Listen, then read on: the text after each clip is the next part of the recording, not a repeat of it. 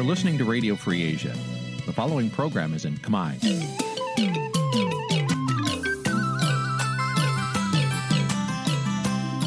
នេះជាកម្មវិធីផ្សាយ Vuthu Azizi Serai នេះជាកម្មវិធីផ្សាយរបស់ Vuthu Azizi Serai ជាភាសាខ្មែរ Vuthu Azizi Serai សូមស្វាគមន៍លោកអ្នកនាងទាំងអស់ពីរដ្ឋធានី Washington នៃសហរដ្ឋអាមេរិក បាទពីរដ្ឋធានី Washington ខ្ញុំបាទសេកបណ្ឌិតសូមជម្រាបសួរអស់លោកអ្នកកញ្ញាទាំងអស់ជាទីមេត្រីបាទយើងខ្ញុំសូមជូនកម្មវិធីផ្សាយសម្រាប់រាត្រីថ្ងៃសៅរ៍11រោចខែផុតបុត្រឆ្នាំឆ្លូវត្រីស័កពុទ្ធសករាជ2565ត្រូវនៅថ្ងៃទី2ខែតុលាគ្រិស្តសករាជ2021បាទជាដំបូងនេះសូមអញ្ជើញអស់លោកអ្នកនាងស្ដាប់ព័ត៌មានប្រចាំថ្ងៃដែលមានមេត្តាដូចតទៅ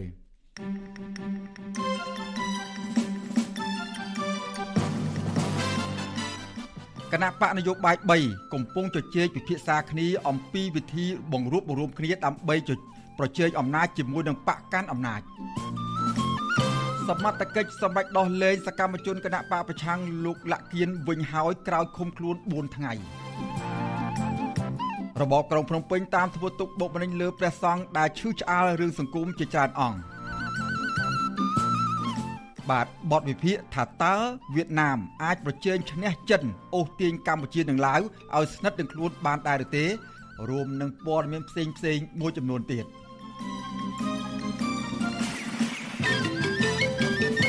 បាទជាបន្តទៅទៀតនេះខ្ញុំបាទសេកបណ្ឌិតសូមជូនព័ត៌មានពិស្ដា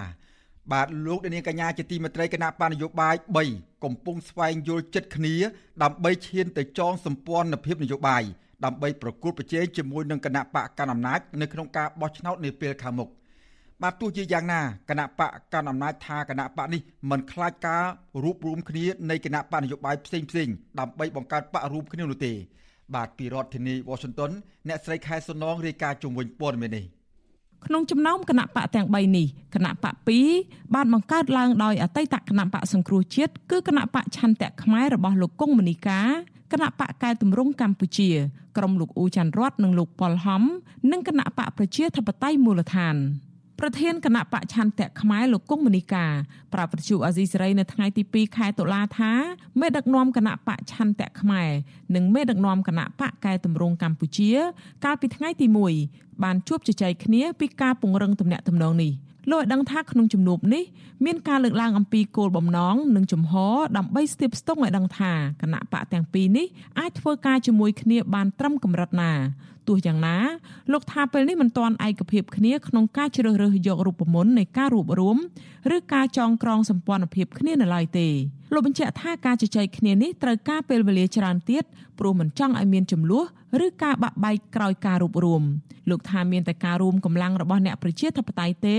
ទើបអាចមានកម្លាំងគ្រប់គ្រាន់ក្នុងការប្រកួតប្រជែងជាមួយគណៈបកកាន់អំណាច។ យើងមិនចង់ឃើញរូបភាពនៃការច្បាច់បញ្ចូលគ្នា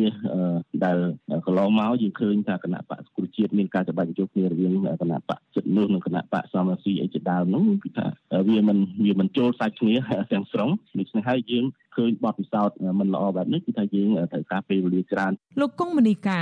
ឲ្យដឹងទៀតថាលោកក៏ចង់មានសម្ព័ន្ធភាពបន្ថែមជាមួយគណៈបកប្រជាធិបតេយ្យមូលដ្ឋានផងដែរដែលកិច្ចការទំនាក់ទំនងនេះគឺជាស្ថាបនិកគណៈបកកែតម្រង់កម្ពុជាលោកអ៊ូច័ន្ទរតបានជួបជជែកជាមួយអគ្គលេខាធិការគណៈបកប្រជាធិបតេយ្យមូលដ្ឋានលោកសាមអ៊ីន វិទ្យុអេស៊ីសរ៉ៃមិនអាចតាក់ទងសុំការបញ្ជាក់បន្ថែមពីលោកអ៊ូចាន់រតបាននៅឡើយទេ នៅថ្ងៃទី2ខែតុលារីឯអគ្គលេខាធិការគណៈបកប្រជាធិបតេយ្យមូលដ្ឋានលោកសាមអ៊ីនឲ្យវិទ្យុអេស៊ីសរ៉ៃដឹងថាការជួបគ្នានេះគឺជាដំណាក់កាលដំបូងហើយក៏មានការសន្យាថានឹងជួបគ្នាបន្តទៀតលោកបន្តថា ការចងសម្ព័ន្ធនេះនឹងមានជំរើសច្រើនក្នុងការសហការនយោបាយ ដើម្បីឲ្យមានប្រសិទ្ធភាពខ្ពស់ក្នុងការប្រកួតប្រជែងជាមួយគណៈបកប្រជាជនកម្ពុជា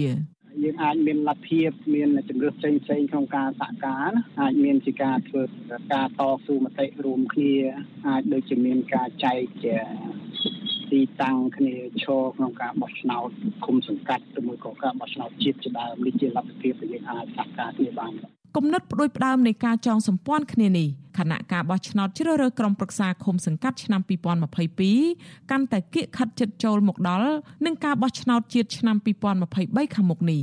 អ្នកវិភាគនយោបាយបណ្ឌិតសេងសេរីស្វាគមន៍ការរួបរวมនៃអ្នកនយោបាយប្រជាធិបតេយ្យប៉ុន្តែលោកសង្កេតឃើញថាការរួមកម្លាំងនៃគណៈបកទាំងនេះมันមានកម្លាំងនយោបាយគ្រប់គ្រាន់ដើម្បីធ្វើជាគូប្រកួតប្រជែងជាមួយគណៈបកកាន់អំណាចនោះទេនួសួរថាតើអ្នកគណៈបកនយោបាយទាំង3នេះមានកម្លាំងគ្រប់គ្រងប៉ុណ្ណា អញ្ចឹងការរួបរวมវាល្អហើយប៉ុន្តែបើយើងវាអត់មានកម្លាំងក្នុងក្នុងការរួបរวมវាដូចរស់ស៊ីអត់មានដើមទុនណាអញ្ចឹងវាអត់មានដើមទុនទោះបីរួមគ្នា10បកទៀតក៏ដោយក៏ប៉ុន្តែបើអត់មានដើមទុននយោបាយទេយើងមិនដឹងថាត្រូវរស់ស៊ីប្រកួតប្រជែងជាមួយជាមួយនឹងក្រុមហ៊ុនធំដោយរបៀបណានេះបើយើងនិយាយសាមញ្ញក្នុងន័យជំនួយណាបាទ ជំវិញការបដិបដើមនៃការចងសម្ព័ន្ធនៃក្រមអ្នកប្រជាធិបតេយ្យនេះដែរអ្នកនាំពាក្យគណៈបកប្រជាជនកម្ពុជាលោកឈឹមផលវរុនយល់ថាជាសិទ្ធិសេរីភាពនិងលំហនយោបាយរបស់គណៈបកនយោបាយលោកថាការរួមកម្លាំងគ្នានៃគណៈបកទាំងនោះមិនបានបង្កការបារម្ភដល់គណៈបកកាន់អំណាចរបស់លោកឡើយអ្នកនាំពាក្យដដែលលើកឡើងទៀតថាគណៈបកប្រជាជនកម្ពុជាដែលកំពុងដឹកនាំរដ្ឋាភិបាលក៏មិនបានរារាំងដល់អតីតមន្ត្រីគណៈបកប្រឆាំងក្នុងការស្នើសុំបង្កើតគណៈបកថ្មីនោះដែរ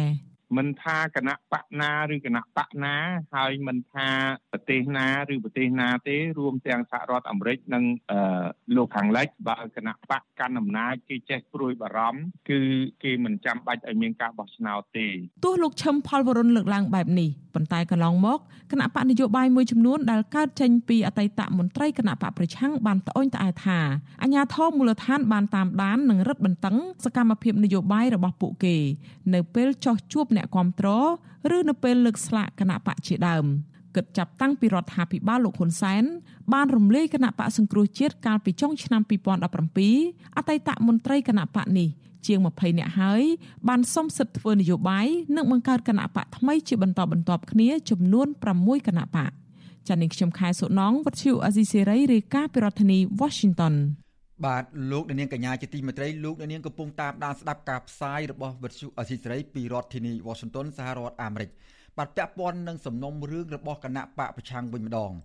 មន្ត្រីជាន់ខ្ពស់នគរបាលជាតិហាងថាសមត្ថកិច្ចបានដោះលែងមេឃុំជាប់ឆ្នោតគណៈបកសង្គ្រោះជាតិនៅឃុំបិត្រាងស្រុកព្រៃនប់ខេត្តប្រសេនុគឺលោកលាក់គៀនវិញហើយក្រោយពីបានចាប់ខ្លួនលោកកាលពីថ្ងៃទី29ខែកញ្ញា បាទមន្ត្រីសិទ្ធិមនុស្សរិះគន់ចំណាត់ការរបស់អាជ្ញាធរលើមន្ត្រីគណៈបកប្រឆាំងរូបនេះថាជាការរំលោភបំពានសិទ្ធិពលរដ្ឋបាទពីរដ្ឋធានី Washington លោកសនច័ន្ទរដ្ឋារាយការណ៍ជុំវិញព័ត៌មាននេះអគ្គស្នងការរនគរបាលជាតិនឹងជាប្រធានដំណំការស៊ើបអង្កេតរោគអ្នកញុះញង់តវ៉ារឿងដេតលីទូទាំងប្រទេសលោកឌីវិជាបានប្រាប់វិទ្យុអាស៊ីសេរីនៅថ្ងៃទី2ខែតុលាថាសមាជិកខាងលោកបានបញ្ចប់ការសាកសួរហើយបានសម្រេចដោះលែងលោកលាក់គៀនឲ្យត្រឡប់ទៅផ្ទះវិញហើយ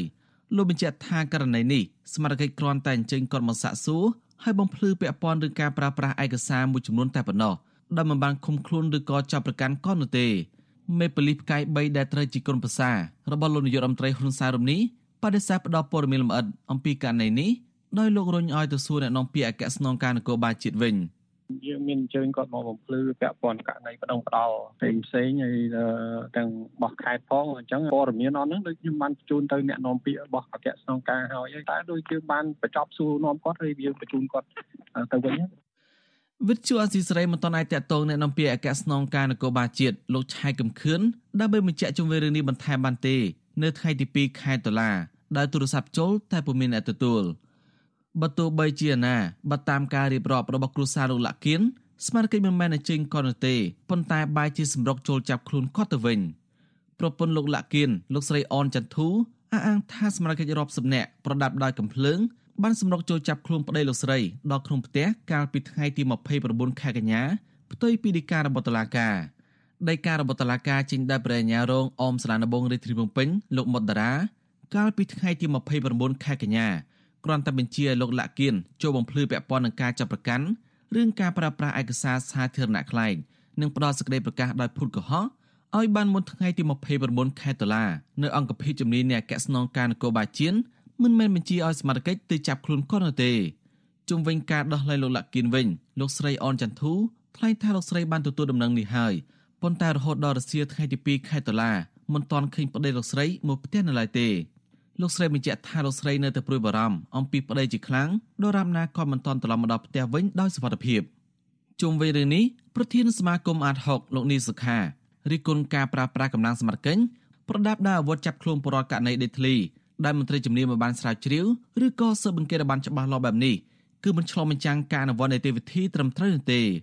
លោកបន្តថារឿងនេះបានធ្វើមហាជនដាក់ការសង្ស័យចំពោះចំណាក់ការនេះដោយបង្កប់ក្នុងន័យរឿងនយោបាយទៅវិញ ដោយសារលោកលាក់គៀនគឺជាមន្ត្រីបពប្រឆាំងហើយកន្លងមកគាត់ហាក់មិនជាប់ពាក់ព័ន្ធនឹងរឿងដីធ្លីនោះទេលោកបញ្ជាក់ថាការចាប់ខ្លួនឬការដោះលែងពលរដ្ឋវិញដោយមិនបានជូនដំណឹងគឺធ្វើប៉ះពាល់ដល់សិទ្ធិរបស់គាត់។ ក្នុងនីតិវិធីវាទល់តែមានបទល្មើសព្រហ្មទណ្ឌទើបអាចគេចាប់ខ្លួនបានឬក៏គេអាចឃុំខ្លួនបានប៉ុន្តែបើសិនជានៅក្នុងរឿងដីធ្លីរឿងអីអញ្ចឹងអានឹងវាត្រូវការឆ្លងកាត់ការស៊ើបអង្កេតរបស់តុលាការអីឲ្យបានម៉ត់ចត់បាទជាជាងយើងទៅចាប់ខ្លួនគាត់មិនដែលមិនបានប្រព្រឹត្តអីនៅបទល្មើសអីអញ្ចឹងហើយយើងទៅចាប់ខ្លួនគាត់យកមកវាខុសទៅនឹងច្បាប់វាខុសទៅនឹងនីតិវិធីនឹងបាទមកទល់ពេលនេះ អញ្ញាធររបបក្រុងភ្នំពេញបានចាប់ខ្លួនសកម្មជននយោបាយសកម្មជនសិទ្ធិមនុស្សសង្គមនិងបរិស្ថានជិត90នាក់ហើយដាក់ក្នុងពន្ធនាគារដោយភេកច្រាអញ្ញាធរជាប់ប្រកាន់ពីបទញុះញង់និងរួមគណិតក្បត់ក្រុមអង្គការសង្គមស៊ីវិលជាតិនិងអន្តរជាតិរួមទាំងក្រុមប្រទេសប្រជាធិបតេយ្យធំធំថ្កោលទោសជាបន្តបន្ទាប់ថាការចាប់ឃុំខ្លួនទៅនេះធ្វើឡើងដោយគ្មានមូលដ្ឋានច្បាប់ហើយទាមទារឲ្យរបបលោកហ៊ុនសែនដោះលែងពួកគេវិញជាបន្ទាន់ ដើម្បីបញ្ជាការដាក់ទណ្ឌកម្មបន្ថែមទៀតពីសហគមន៍អន្តរជាតិខ្ញុំសនចាររថាវិទ្យុអេស៊ីសេរីរាយការណ៍ពីរដ្ឋធានីវ៉ាស៊ីនតោនបាទលោកនាងកញ្ញាជាទីមេត្រីឥឡូវនេះយើងក៏លេខមកមើលស្ថានភាពជំងឺ Covid-19 ដែលកំពុងឆ្លងនៅក្នុងប្រទេសកម្ពុជាវិញម្ដងបាទអ្នកស្លាប់ដោយសារតែជំងឺ Covid-19 បានកើនឡើងដល់ជិត2400អ្នកហើយបន្ទាប់ពីអ្នកជំងឺចំនួន24អ្នកទៀតបានស្លាប់បាទចំណែកករណីឆ្លងថ្មីវិញ តួលេខបានថយចុះមួយកម្រិតទៀតគឺនៅត្រឹមជិត200នាក់នៅនៅថ្ងៃដដែលនេះបាទតួលេខឆ្លងថ្មីសម្រាប់ផ្ដើមថយចុះនេះបាទតួលេខឆ្លងថ្មីដែលចាប់ផ្ដើមថយចុះនេះនៅពេលក្នុងរយៈពេល2ថ្ងៃកន្លងមកនេះដោយសារតែក្រសួងសុខាភិបាលរាប់តែលទ្ធផលដែលបញ្ជាក់ដោយម៉ាស៊ីនពិសោធន៍ PCR ដោយមិនបានពិនិត្យតាមឧបករណ៍ធ្វើតេស្តរហ័សឬក៏ហៅថា rapid test នោះទេ បាទរាល់ដងអ្នកជំងឺ Covid-19 មានប្រមាណជិត1000អ្នកប្រចាំថ្ងៃការមិនពិនិត្យតាមឧបករណ៍ធ្វើតេស្តរហ័សឬក៏ហៅថា repeat test នេះជាការអនុវត្តតាមការណែនាំរបស់លោកនាយករដ្ឋមន្ត្រីហ៊ុនសែនដែលចង់ឲ្យប្រជាពលរដ្ឋអាចរស់នៅជាមួយនឹងជំងឺ Covid-19 បាទទោះជាយ៉ាងណាក្តីប្រជាពលរដ្ឋជាច្រើននៅតែបន្តចូលទៅបញ្ចេញមតិយោបល់នៅក្នុងទំព័រ Facebook របស់ក្រសួងសុខាភិបាលទាក់ទងនឹងករណីនេះ។ បាទពួកគាត់មួយចំនួនបានលើកឡើងថាទោះជាឃើញតួលេខថយចុះក៏ដោយក៏ពលរដ្ឋមិនអាចធ្វេសប្រហែសបានដែរពីព្រោះនេះជាតួលេខដែលមិនមានការធ្វើតេស្តរហ័សនោះឡើយមានតែមានន័យថាអ្នកដែលឆ្លងអឺហើយមិនអាចចេញរោគសញ្ញាមិនត្រូវបានរាប់បញ្ចូលនៅក្នុងតួលេខនេះទេបាទគិតត្រឹមព្រឹកថ្ងៃទី12 ខែតុលាកម្ពុជាមានអ្នកកើតជំងឺ Covid-19 ជាង110,000នាក់ក្នុងចំណោមនោះអ្នកជាសះស្បើយមានប្រមាណ100,000នាក់បាទក្រសួងសុខាភិបាលប្រកាសថាគិតត្រឹមថ្ងៃទី1ខែតុលាម្សិលមិញរដ្ឋាភិបាលបានចាក់វ៉ាក់សាំងជូនដល់ប្រជាពលរដ្ឋគ្រប់អាយុបានជិត10លាននាក់ហើយបាទចំណែកកុមារនិងយុវជនដែលមានអាយុពី6ឆ្នាំដល់17ឆ្នាំវិញក្រសួងសុខាភិបាលបញ្ជាក់ថា ចាក់វ៉ាក់សាំងបានជិត3លាន5សែននាក់ក្នុងចំណោមអ្នកដែលត្រូវចាក់វ៉ាក់សាំងសរុប4លាននាក់បាទលោកនាងកញ្ញាជាទីមេត្រីពាក់ព័ន្ធនឹងការឆ្លងជំងឺ Covid-19 និងការដែលលោកនាយករដ្ឋមន្ត្រីហ៊ុនសែននិងក្រសួងសុខាភិបាល ប្រកាសឲ្យឈប់ធ្វើតេស្តរហ័សឬក៏ហៅថា rapid test នោះបាទនេះគឺយើងបាទនៅពេលនេះយើងបានអញ្ជើញលោកអនុវិជ្ជបណ្ឌិត ឆាន់ទូចដែលលោកគឺជាអ្នកដែលមានជំនាញខាងសុខាភិបាលហើយធ្លាប់ធ្វើជាគ្រូពេទ្យនៅប្រទេសកម្ពុជានោះស្ទើរតែមួយជីវិតអាជីពការងាររបស់លោកហើយហើយបច្ចុប្បន្ននេះលោកបានមកធ្វើជាគ្រូពេទ្យនៅក្នុងសហរដ្ឋអាមេរិកនេះរយៈពេលជាង20ឆ្នាំមកហើយយើងចង់អញ្ជើញលោកឲ្យមកបកស្រាយនៅបញ្ហាមួយចំនួនពាក់ព័ន្ធនឹងការប្រកាសរបស់ក្រសួងសុខាភិបាលនិងការប្រកាសយោបល់មួយចំនួនរបស់លោកនាយករដ្ឋមន្ត្រីហ៊ុនសែនដែល ឲ្យបញ្ឈប់ធ្វើតេស្តរហ័សឬក៏ហៅថា rapid test នេះពីព្រោះថាលោកអះអាងថាការធ្វើតេស្តនេះធ្វើឲ្យប្រជាពលរដ្ឋនោះមិនអាចរស់នៅស៊ាំជាមួយនឹងស្ថានភាពដែលប្រទេសកម្ពុជាកំពុងតែមានការរីករាលដាលខ្លាំងនៃការឆ្លងនៃជំងឺ Covid-19 បាទឥឡូវនេះខ្ញុំបានឃើញរូបលោកអនុបច្ចបណ្ឌិត ឆាន់ទូចមានវត្តមាននៅតាមប្រព័ន្ធ Skype យើងបានតាក់ទងលោកបានហើយខ្ញុំបាទសូមជម្រាបសួរលោកអនុបច្ចបណ្ឌិតឆាន់ទូចពីចម្ងាយនេះបាទជំរាបសួរអរុនសួស្ដី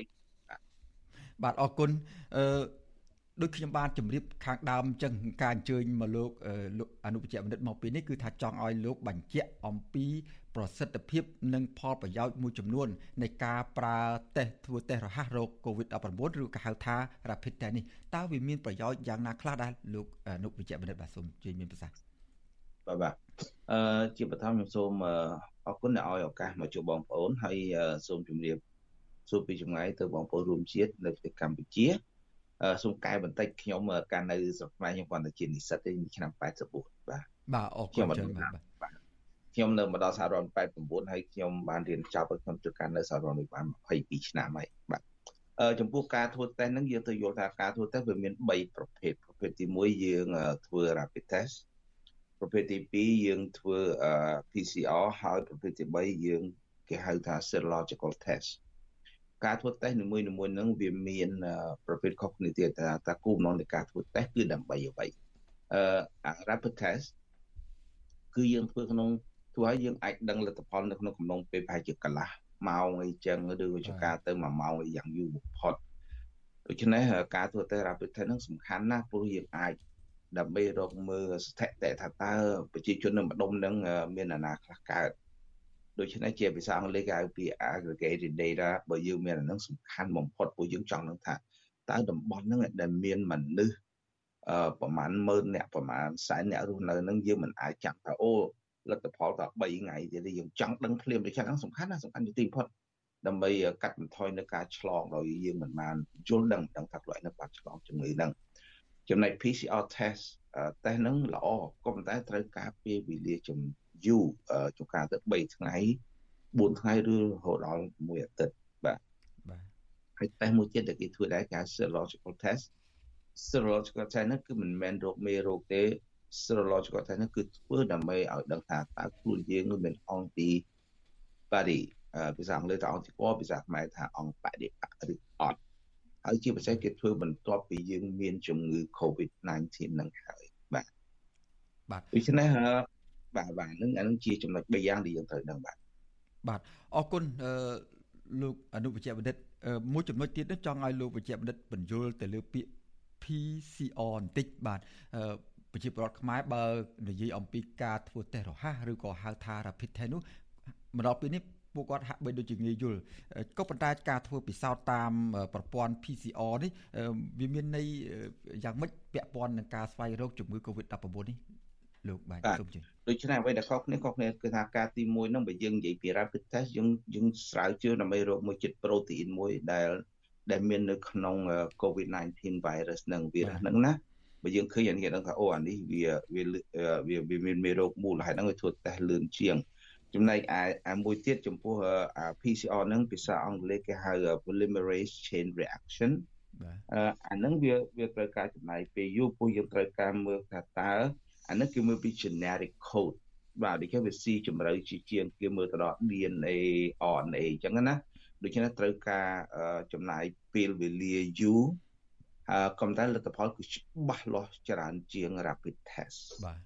បាទខុសគ្នាប៉ុណ្ណឹងអឺដូច្នេះអឺជាទូទៅគេទូទៅបើយើងធ្វើដំណើរទៅប្រទេសណាមួយមួយគេមិនទទួលយក rapid test ទេ rapid test គាត់ថា យើងធ្វើតែឲ្យដឹងភ្លាមៗថាម្ដុំនឹងមានអាណាខ្លះកើតណា បាទក៏ប៉ុន្តែអា PCR test ហ្នឹងគេគេប្រើពាក្យនៅសហរដ្ឋអាមេរិកគេប្រើពាក្យ gold standard បានសេចក្តីថាគឺជាចំណុចដ៏សំខាន់មួយហើយហ្នឹងគេនឹងទទួលក្នុងការធ្វើដំណើរព្រោះវាបញ្ជាក់ឲ្យច្បាស់លាស់បាទជាជាងអ្វីផ្សេងៗក៏ប៉ុន្តែយើងត្រូវយល់ចេះទៀតតេស្តនីមួយមួយវាមានប្រសិទ្ធភាពទៅតាមកម្រិតរបស់វានៅពេលដែលយើងសង្ស័យថាអូប្រជាជននៅម្ដុំហ្នឹងអាចមានមេរោគ COVID-19 ហ្នឹងយើងប្រើ rapid test វាមានលទ្ធផលរហ័សហើយជួយបិទទៅវាមិនបាន100%ក៏ដោយក៏វាអាចប្រាប់បញ្ជាក់ថាតើប្រជាជននៅម្ដុំហ្នឹងវាមានជំងឺយ៉ាងណាចំណែកឯ PCR test វាត្រូវការចំណាយពេលវេលាយូរធ្វើបិទទៅមានប្រសិទ្ធភាពល្អក៏ប៉ុន្តែបើសិនជាយើងចង់ឲ្យដឹងថាតើប្រជាជននៅក្នុងតំបន់ហ្នឹងកើត COVID-19 ហ្នឹង PCR test មិនមិនជាមិនជាមិនជាវិធីមួយដែលយើងគួរប្រើទេព្រោះវាយឺតពេកបាទបាទបាទសូមអរគុណប ញ្ហាមួយទៀតនេះថ្មីថ្មីនេះលោកនាយករដ្ឋមន្ត្រីហ៊ុនសែនគាត់បានលើកឡើងថាអាការធ្វើតេស្តរហ័សឬក៏ហៅថា rapid test នេះវាមិនសូវជាមាន ផលប្រយោជន៍អីប្រមាណនោះទេ ហើយវាមិនសូវចាំបាច់ទៀតផង ហើយក្រៅពីនេះលោកថាការដែលធ្វើ rapid test នេះធ្វើឲ្យប្រជាពលរដ្ឋមួយចំនួនមានការភ័យខ្លាចទៅវិញដែលធ្វើឲ្យប្រជាពលរដ្ឋហាក់បីដូចជាមិនសូវមានភាពក្លាហានមិនសូវជាមានការប្រុងប្រយ័ត្នហើយមិនសូវជាទម្លាប់ខ្លួនឬក៏បន្សាំខ្លួនរស់នៅជាមួយនឹងស្ថានភាពកូវីដនោះទេចំពោះបញ្ហានេះតើលោកអនុបញ្ជាបណ្ឌិតយល់យ៉ាងម៉េចដែរចំពោះការថ្លែងឬក៏អះអាងពន្យល់ពីលោកនាយករដ្ឋមន្ត្រីហ៊ុនសែនមុននឹងលោកបញ្ជាសូមឲ្យឈប់ធ្វើ rapid test នេះបាទអឺខ្ញុំយល់ផ្ទុយពីនឹងតាមពិតសម្ដេចហ៊ុនសែនមានប្រសាសន៍ហ្នឹងខ្ញុំមិនយល់ស្របនេះជាចំណុចមួយខុសឆ្គងពីព្រោះ rapid test បើសិនបើយើងចង់នឹងថាតើតំបន់ហ្នឹង មានណានាខ្លះឆ្លងអីចឹង rapid test មានប្រសិទ្ធភាពល្អជាងលឿនជាងនិយាយចំប៉ុន្តែណាយើងអាចបញ្ជាក់ថាទៅតំបន់ហ្នឹងតើមានអីយើងមិនអាចប្រើ PCR ទៅទេព្រោះវាយូរពេកដូច្នេះខ្ញុំយកផ្ទុយទៅវិញហើយទៅចំពោះខ្ញុំខ្ញុំតែងតែយល់ថាជាគ្រូពេទ្យប្រសិនបើអ្នកជំងឺដឹងអំពីបញ្ហាមុនគេអាចមានឱកាសដើម្បីសម្របខ្លួនណាប្រុងប្រយ័ត្នឧទាហរណ៍ប្រសិនបើបើខ្ញុំដឹងថាអូនៅខ្ញុំនៅតំបន់ហ្នឹងវាមាន ជំងឺ Covid-19 ច្រើនដូចខ្ញុំត្រូវធ្វើម៉េចខ្ញុំត្រូវប្រយ័ត្នខ្ញុំត្រូវពាក់ម៉ាស់ខ្ញុំត្រូវលាងសម្អាតដៃឲ្យច្បាស់លាស់ណាបាទនៅពេលដែលយើងជួបគ្នាអញ្ចឹងយើងចូលគម្លាតពីគ្នាអញ្ចឹងនេះជាចំណុចមួយពាក្យថាបើយើងដឹងហើយ rapid test ក៏ដឹងមានការភ័យខ្លាចខ្ញុំមិនយល់ស្របទេបាទអាហ្នឹងបើយើងដឹងយើងអាចមានឱកាសដើម្បីរៀបចំការពារខ្លួនទៅវិញទេដូច្នេះចំណុចសំខាន់នៃ rapid test គឺអាចឲ្យយើងដឹងជាមុនយើងអាចប្រមាណមើលជាមុនថានៅតើកន្លែងនឹងមានការឆ្លងខ្លាំងឬតិចអីចឹងទៅអឺដូច្នេះខ្ញុំខ្ញុំមិនយល់ចឹងទេប្រសិនបើបងប្អូនយល់ថាម្ដុំនឹងមានកន្លែងឆ្លងច្រើនយើងប្រើការប្រុងប្រយ័ត្នមុនទៅព្រោះបើយើងប្រើ CPR test PCR test នឹងដើម្បីតម្រាំយើងបានដឹងនឹងចុះការ3 4ថ្ងៃទៅហើយហើយ3 4ថ្ងៃនេះយើងអត់ដឹងថាណាខ្លះឆ្លងទេ ដូច្នេះខ្ញុំមិនយល់ស្របពីចំណុចហ្នឹងទេបាទនៅសហរដ្ឋគេសហរដ្ឋអាមេរិកគេធ្វើអញ្ចឹងឯងបាទ rapid test គេធ្វើដើម្បី promote aggregated data គឺស្ថិតិជាទូទៅដើម្បីដឹងថាអ្នកនៅម្ដុំនឹងមានវិឆ្លងច្រើនឬអត់អីចឹងដូច្នេះ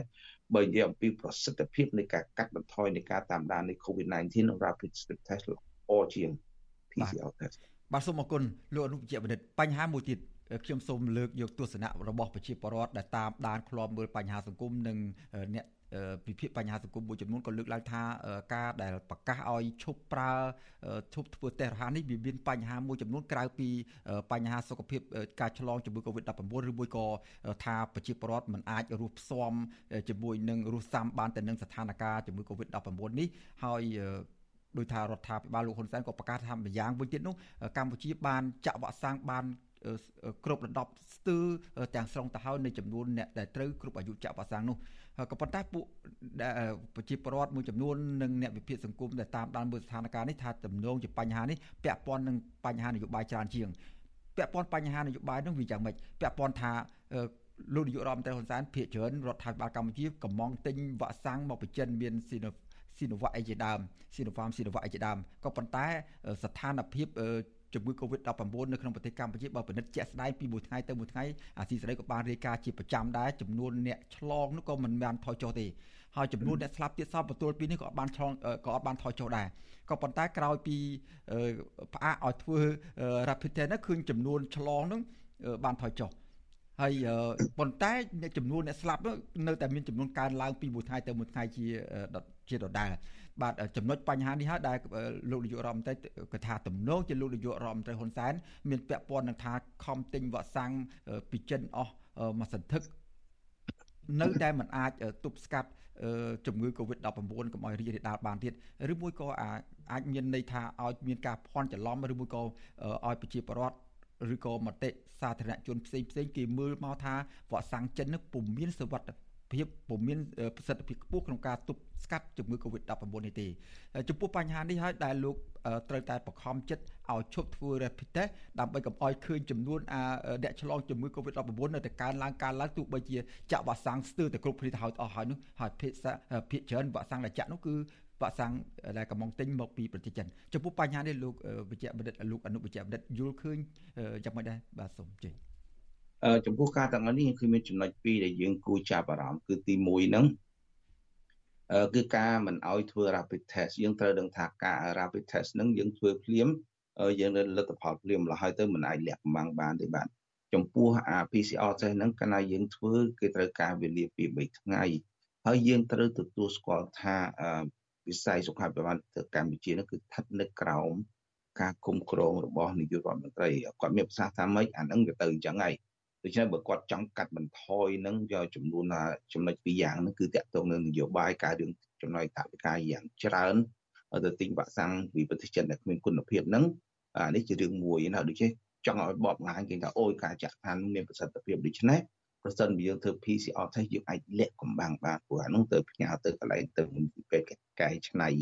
ជាស្ថិតិជា data អីនឹងចឹងបានដូច្នេះអានេះជាចំណុចទី1 ចំណុចទី2យើងត្រូវត្រូវដឹងថានៅសហរដ្ឋនៅក្នុងទូទាំងពិភពលោកនាពេលបច្ចុប្បន្ននេះអឺថ្នាំដែលគេទទួលស្គាល់គឺមាន3ប្រភេទគឺមាន Pfizer, Moderna ហើយនិង Johnson Johnson បាទអានឹងអានឹងជាជាថ្នាំវ៉ាក់សាំង3ប្រភេទដែលផលិតនៅសហរដ្ឋអាមេរិកហើយមានប្រសិទ្ធភាពច្រើនអ្វីដែលខ្ញុំព្រួយបារម្ភចេះយើងយើងចាក់សាមនៅថាអូនៅពេលខាត់ខ្ញុំយល់ចាំហើយចំណុចដែលខ្ញុំឃើញមានការភ័យខ្លាចចំនួនបងប្អូនយើងហ្នឹង គឺអារឿងចាក់តាមជាយើងបានចាក់តាមសឹងគ្រប់ហើយក៏ប៉ុន្តែយើងត្រូវយល់ថា Sinopharm Sinovac គឺគ្មានប្រឆ្នាំអា booster អីចឹងណាចាក់បន្ថែមអីចឹងទៅចំណុចពីរដែលយើងត្រូវដឹងអានេះសត្វភាពទៅមានក៏តិចដែរបាទមូលហេតុហ្នឹងការចំណាយថវិកាទៅទិញឆ្នាំខ្ញុំនៅខ្ញុំនិយាយពីសហរដ្ឋអាមេរិកទៅបាទនៅសហរដ្ឋអាមេរិកមុនគេធ្វើអ្វីមួយគេធ្វើបទពិសោធន៍គេពីប្រទេសចិនហ្នឹងគឺជាការ បំផ្លាញថវិកាទៅវិញទីជាការពិតបាទទៅមើលគេពិចារណាគេថ្លឹងថ្លែងត្រឹមត្រូវណាឧទាហរណ៍ដូច CDC នៅសហរដ្ឋអាមេរិកហ្នឹងគេបានប្រកាសថាស្តាមដែលអាចចាក់បានហ្នឹងណាកូនក្មេងគឺពីដណ្ដប់ឡើងទៅលើពីដណ្ដប់ចុះមកក្រោមអត់ទាន់មានប្រសិទ្ធភាពទេគេត្រូវធ្វើមានបទពិសោធន៍មានគឺមើលថាតើចាក់ទៅមានបញ្ហាមានគ្រោះថ្នាក់មានអីអត់ មិនថាដូចយើងនាយកអមតែគាត់មានប្រសាសន៍ថាអូចាក់ទៅនាំគ្នាទៅយើងយកយកកូនចៅទៅចាក់យ៉ាងទៅវាអាចបណ្ដាលឲ្យមានគ្រោះថ្នាក់ដែលយើងមិនអាចឃើញទៅថ្ងៃអនាគតអានឹងជាចំណុចទី1ចំណុចទី2បើយើងនិយាយពី booster យើងត្រូវដឹងថា booster នៅសប្តាហ៍នេះនៅក្នុងពិភពលោកនេះសូម្បីនៅសហរដ្ឋអាមេរិកហ្នឹងគេឲ្យចាក់ទៅ booster Pfizer ទេបានសេចក្តីថាអ្នកណាដែលបានចាក់ Moderna ដូចខ្ញុំអញ្ចឹង អត់មាន booster ចាក់ទេព្រោះវាមិនទាន់មានប្រសិទ្ធភាពល្អម្ល៉េះគេកំពុងតែធ្វើការស្រាវជ្រាវបន្ថែមក៏ប៉ុន្តែចំពោះអ្នកផ្សេងដែលចាក់ Pfizer ហើយទៅមានបញ្ហាសុខភាពឬក៏មានអាយុអីយ៉ាងដូច65ឡើងទៅលើឬពី50ទៅ64%បើយើងនៅ nursing home យើងនៅក្នុងគុកបាទយើងនៅហើយយើងមានបញ្ហាជំងឺ រ៉ាំរ៉ៃមានជំងឺផ្លូវចិត្តអីចឹងទៅអានឹងគេឲ្យយើងចាក់ប៉ុន្តែបានចំពោះតែ Pfizer មួយមុខប៉ុណ្ណោះបាទអឺខ្ញុំឃើញនៅស្រុកខ្មែរនៅពេលនាយករដ្ឋមន្ត្រីខ្មែរយើងបានសុំឲ្យរដ្ឋាភិបាលហ្នឹងក្រសួងសុខាភិបាលហ្នឹងគឺនាំនេះចាក់ booster ចាក់ទៅពីទៅពីអឺខ្ញុំខ្ញុំមានការព្រួយបារម្ភខ្ញុំមានការព្រួយបារម្ភព្រោះយើងក៏មានបងប្អូនមានអីដែរណា ហើយមិនដឹងថាតើការចាក់លេខគ្នាច្បុកច្បល់នឹងវាអាចមានផលវិបាកទៅថ្ងៃអនាគតឬក៏អត់យ៉ាងណាដូច្នេះអ្វីដែលសំខាន់ហ្នឹងខ្ញុំរំពឹងថាវិជ្ជបណ្ឌិតទាំងឡាយអ្នកស្រាវជ្រាវដែលមានចំណេះវិជ្ជាខ្ពង់ខ្ពស់ផ្នែកវិស័យសុខាភិបាលហ្នឹងធ្វើការពិចារណាឲ្យមកចាត់កុំយកសម្ដីនាយករដ្ឋមន្ត្រី ដែលគ្មានបទពិសោធន៍ក្នុងវិស័យអឺសុខាភិបាលនឹងមកប្រើវិញវាវាជាកំហុសមួយធ្ងន់ហើយបណ្ដាលឲ្យគ្រោះថ្នាក់ដល់បងប្អូនយើង ទីបំផុតទៅយើងនឹងដូចគេយកទៅធ្វើពិសោធន៍ចឹងបាទចិនគេមិនបាច់យកជនជាតិគេទេបញ្ជូនមកស្រុកខ្មែរទៅចាក់ឲ្យទៅពីប៉ុន្តែគេយក data នឹងមើលថាតើយើងគ្រោះថ្នាក់យ៉ាងម៉េចពីចាក់លេខគ្នាច្បុកច្បល់បាទបាទ អរគុណលោកអនុវិជ្ជបណ្ឌិតបញ្ហាមួយទៀតមិញនេះខ្ញុំចង់ជម្រាបសួរលោកវិជ្ជបណ្ឌិតដែរអំពីការចាក់វ៉ាក់សាំងដូសទី3ឬក៏កម្ពុជានឹងគ្រោងបន្ទាប់ពីដូសទី3ហើយគ្រោងនឹងចាក់ដូសទី4ណាទៀតនោះហើយពីព្រោះហើយអាដូសទី1ទី2ទី3ហ្នឹងវាវ៉ាក់សាំងប្រភេទវ៉ាក់សាំងគឺខុសគ្នាទាំងអស់ក៏ប៉ុន្តែ ការបកស្រាយរបស់លោកអនុប្រជាបណ្ឌិតអំបញ្ញមិញហាក់បីដូចជាឆ្លើយតបទៅនឹងចម្ងល់របស់ប្រជាពលរដ្ឋជំវិញបញ្ហានេះបានច្រើនហើយក៏ប៉ុន្តែនៅចំណុចមួយទៀតចង់ឲ្យលោកវិជ្ជបណ្ឌិតអនុប្រជាបណ្ឌិតបញ្ជាក់បន្ថែមបន្តិចទៀតតកតងនឹងការចាក់វ៉ាក់សាំងជូនដល់កុមារអាយុក្រោមអាយុបានន័យថាក្រោមអាយុ12ឆ្នាំមាន6ឆ្នាំអី10ឆ្នាំអីក៏អាច ក៏កំពុងតែធ្វើយុទ្ធនាការចាក់វ៉ាក់សាំងដែរនៅក្នុងប្រទេសកម្ពុជានេះហើយក៏បញ្ហានេះក៏មានការងឿងឆ្ងល់ពីប្រជាពលរដ្ឋពីសាធារណជនមួយចំនួនអំពីការចាក់វ៉ាក់សាំងទៅដល់កុមារលឿនពេកនៅក្នុងប្រទេសកម្ពុជានឹងជាពិសេសក្មេងអាយុ6ឆ្នាំឯជាដើមត្រូវមានគម្រោងចាក់វ៉ាក់សាំងជូនដែរដើម្បីឲ្យពួកគាត់នឹងតាមការអាងរបស់រដ្ឋាភិបាលដើម្បីឲ្យពួកគាត់មានឱកាសឆាប់បានចូលទៅសាលាវិទ្យាជាដើមចំពោះបញ្ហានេះលោក អនុប្រចាំបណ្ឌិតយល់ថាការចាក់វ៉ាក់សាំងឲ្យក្មេងក្រោមអាយុ12ឆ្នាំឬមួយក៏អាយុ6ឆ្នាំនោះវាមានផលប៉ះពាល់អីដែរទេឬមួយក៏មានផលចំណេញអីប៉ុណ្ណានៅក្នុងការការពារជំងឺ Covid-19 នោះបាទបាទចំពោះរូបខ្ញុំខ្ញុំយល់ថាចំណុចអវិជ្ជមានគឺមាន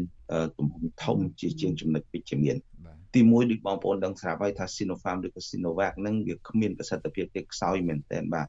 Sputnik មកពីប្រទេសរុស្ស៊ីហ្នឹងគឺក៏មិនទាន់ចូលដល់ទៅកម្ពុជាទេ ខ្ញុំជឿថាអាពួកហ្នឹងវាអត់មានប្រសិទ្ធភាពល្អដូច Pfizer ឬ Moderna ឬ Johnson Johnson ទេសូម្បីនៅសហរដ្ឋអាមេរិកហ្នឹងគេមិនទាន់អនុញ្ញាតឲ្យចាក់នៅក្មេងក្រោមអាយុ12ឆ្នាំទេបាទព្រោះមិនទាន់ឃើញមានអឺថាតើការសិក្សាការស្រាវជ្រាវនឹងវាឃើញមានអត្ថប្រយោជន៍យ៉ាងណាខ្លះបាទសូម្បី WHO ក៏អត់បានប្រាប់ឲ្យថាអូឲ្យចាក់អ្នកក្រម2ដណ្ដប់ដែរតែ2ដណ្ដប់ឡើងលើចំពោះ12ចុះក្រោមហ្នឹងឥឡូវហ្នឹងគេកំពុងធ្វើការស្រាវជ្រាវ ពិចារណាយ៉ាងយ៉ាងទូលំទូលាយមុននឹងគេអនុញ្ញាតឲ្យចាក់ព្រោះយើងមិនដឹងថាតើផលវិបាកនៃការឡើងទៅថ្ងៃអនាគតនឹងធំយ៉ាងណាបាទចំពោះប្រទេសកម្ពុជាខ្ញុំមានការប្រួយបារម្ភគឺទី1យើងដឹងថាវ៉ាក់សាំងហ្នឹងវាអត់មានប្រសិទ្ធភាពទី1ទី2ការចាក់អញ្ចឹងហាក់ដូចជាយកជីវិតកូនខ្មែរទៅជាបទពិសោធន៍ទៅវិញទេបាទពួកគេចាក់ទៅគេចាំមើលថាតើចាក់លើកូនក្មេងនឹងក្នុងរយៈពេលនឹងវាអាចមាន បញ្ហាយ៉ាងណាអីយ៉ាងណាអញ្ចឹងទៅយើងមានខ្ញុំមានការព្រួយបារម្ភច្រើនព្រោះយើងមិនអាចយើងមិនអាចយកបញ្ហាអញ្ចឹងយកមកលេងសើចចាក់ស្មានប្រមាថមើលអញ្ចឹងគឺយើងត្រូវទទួលខុសត្រូវត្រូវមានការស្រាវជ្រាវការសិក្សាឲ្យដិតដល់មុនពេលយើងសម្រេចចឹងបើមិនចឹងទេយើងនឹងគ្រាន់តែជាអានឹងគេភាសាអង់គ្លេសថា test subject នោះមិនតែគឺជាអ្វីដែលយើងមើលសម្រាប់ធ្វើការពិសោធន៍ទៅប៉ុណ្ណឹងបាទ អរគុណលោកអនុវិជ្ជបណ្ឌិតបញ្ហាមួយចុងបញ្ហាចុងក្រោយនេះខ្ញុំចង់ជំរាបសួរទៅលើចំណុច2តែម្ដងគឺថាឥឡូវនេះបន្ទាប់ពីលោកនាយករដ្ឋមន្ត្រីបញ្ជាឈប់ឲ្យធ្វើ rapid test នេះឃើញថាចំនួនផ្លូវការដែលប្រកាសដោយក្រសួងសុខាភិបាលនៃការឆ្លងរាលដាលជំងឺ Covid-19 មានការថយចុះក៏ចំណុចមួយ ចំណុចការថយចុះនេះនឹងធ្វើឲ្យមានផលវិបាកទៅវិញទេនៅក្នុងការយុទ្ធនាការការពារជំងឺ Covid-19 មួយវិញទៀតចំណុចទី2នោះចង់ជំរាបសួរដែរថាតើនៅពេលដែលប្រជាពលរដ្ឋនៅតាមជនបទនៅតាមសហគមន៍គាត់ក្រីក្រពុំមានលទ្ធភាពទៅរកសេវាព្យាបាលជំងឺទៅរកសេវាពិនិត្យរោគជំងឺ Covid-19 នៅតាមមន្ទីរពេទ្យរដ្ឋឬក៏មន្ទីរពេទ្យឯកជននោះ គាត់ហើយក៏អត់មានអាចមានធ្វើមានគេជួយធ្វើ rapid test ឲ្យគាត់នោះតើបញ្ហានេះវានឹងធ្វើឲ្យស្ថានភាពការឆ្លងរីករាលដាលនៃជំងឺ Covid-19 នៅក្នុងសហគមន៍នោះកាន់តែជួបផលពិបាកយ៉ាងម៉េចខ្លះចំពោះស្ថានភាពបែបនេះបាទចំណុចពីរយ៉ាងគឺថាទី1 rapid test ដូចខ្ញុំបានជម្រាបពីមុនអញ្ចឹងគឺធ្វើដើម្បីរកគេថា aggregated data ស្ថិតិទូទៅដើម្បីឲ្យដឹងថាតើមានការឆ្លងប៉ុណ្ណាយើងឃើញគាត់តែកាត់ rapid test ភ្លាមយើងឃើញមានការធ្លាក់ចុះយ៉ាងខ្លាំងអឺនេះមិនមែនជាចំណុចវិជ្ជមានទេខ្ញុំយល់ថាជាចំណុចអវិជ្ជមានទៅវិញទេព្រោះយើងមិនបានដឹកពិតប្រកបថានរណាខ្លះដែលមានការឆ្លង COVID-19 នឹងហើយ PCR test ធ្វើនឹងទំមបានទៅដល់ពេទ្យអីការ3ថ្ងៃទៅមួយអាទិត្យអីចឹងហើយវាមានការលួចការលុបបំបត្តិលទ្ធផលនៃនៃនៃ ជំងឺនឹងដូច្នេះនេះជាចំណុចមួយដ៏គួរព្រួយបារម្ភចំណុចទី2ដែលយើងនិយាយពីថាបងប្អូនយើងនៅជនបទចឹងតើយើងត្រូវធ្វើម៉េចអញ្ចឹងខ្ញុំយល់ថាចំពោះខ្ញុំ rapid test test គឺល្អចំពោះអ្នកនៅតាមជនបទហ្នឹងព្រោះដូចហោចណាស់ក៏យើងនឹងថាអ្នកបាត់ដុំកន្លែងនេះវាមានអ្នកកើតជំងឺនឹងដូច្នេះយើងអាចមានឱកាសដើម្បីឲ្យ គម្លាតពីគ្នាការពារខ្លួនប្រយ័ត្នអីចឹងទៅដូច្នេះយ៉ាងណាក្តីខ្ញុំជំទាស់អំពីការលុបបំបាត់ rapid test ហ្នឹងអឺព្រោះវាជាចំណុចមួយសំខាន់ដែលយើងត្រូវធ្វើជាពិសេសក្នុងកលៈទេសៈនេះដែលយើងក៏ចង់កាត់បន្ថយនៃការរាតត្បាតនៃជំងឺ COVID-19 PCR test ល្អមិនថាมันល្អទេក៏ប៉ុន្តែសំខាន់បំផុតគឺសម្រាប់ចំពោះការធ្វើដំណើរឲ្យឆ្ងាយឆ្ងាយទេដែល ដើម្បីបញ្ជាក់ថាយើងនឹងអត់មានមេរោគសោះហ្មងបាទនេះជាចំណុចដែលខ្ញុំចង់បាទអរគុណអញ្ចឹងបានន័យថាបើសិនជាមិនមានធ្វើ rapid test ទេហើយរងចាំតែធ្វើ PCR test នោះវាអាចធ្វើថាចំនួនវាថយចុះក៏ប៉ុន្តែធាតុពិតនៃជំងឺ Covid-19 វាកើនឡើងដើម្បីឲ្យការពារបានពិតប្រាកដទោះបីជាចំនួនថយចុះក៏ប៉ុន្តែស្ថានភាពកូវីដនៅតែកើនវាកើនជាក់ស្ដែងដដែលនោះលោក នុបច្ចវិទ្យាមានអនុសាសន៍អ្វីឬមួយក៏យោបល់យ៉ាងណាដើម្បីជូនទៅដល់ប្រជាពលរដ្ឋឲ្យមានការប្រុងប្រយ័ត្នធ្វើយ៉ាងណាដើម្បីកុំឲ្យមានការឆ្លងជាមួយ COVID-19 បើទោះបីជាមាន rapid test ឬមួយក៏គ្មាន rapid test យ៉ាងណាក៏ដោយចុះដែរទេបាទដូចខ្ញុំជំរាបបងប្អូនអញ្ចឹងគឺថាយើងត្រូវប្រុងប្រយ័ត្នជានិច្ចណាធ្វើបើតែមានការលុបបំបាត់ rapid test ក៏ដោយអឺគឺថាយើងទៅតែតែទី1ការជួបជុំគ្នាក្នុងកលៈទេសៈនេះมันជាចំណុចល្អទេ យើងយើងធ្វើការដូចគេគេបានក្រសួងសុខាភិបាលបានបង្រៀនបងប្អូនចឹងយើងពាក់ម៉ាស់ទៅយើងលាងដៃអីចឹងទៅណាបាយអកយើងកដាយចឹងនៅគម្លាតពីគ្នាទៅក្នុងកលៈទេសៈនេះយើងត្រូវថាយល់ថា COVID-19 គឺជា virus virus វាមិនអាចនៅយូរដូចជា bacteria ទេបើក្នាយើងនៅឲ្យវាឃ្លាតឆ្ងាយពីគ្នាទៅកុំឲ្យឆ្លងពីមួយទៅមួយទៅអានឹងគឺថាអស់រយៈពេល10ថ្ងៃវាគ្មាននរណាឆ្លងទៀតអត់មាន host ពាក្យ host ហ្នឹងគឺបានន័យថាបើអត់មាននរណាឆ្លងពីមួយទៅមួយទៅមេរោគហ្នឹងគឺអូតូម៉ាទិកវាងាប់ខ្លួនឯងអឺនៅសហរដ្ឋអាមេរិកហ្នឹងគេសង្ឃឹមថានៅពេលដែលយើងចាក់ថ្នាំហ្នឹងគេបង្កើតជាគេ herd herd immunity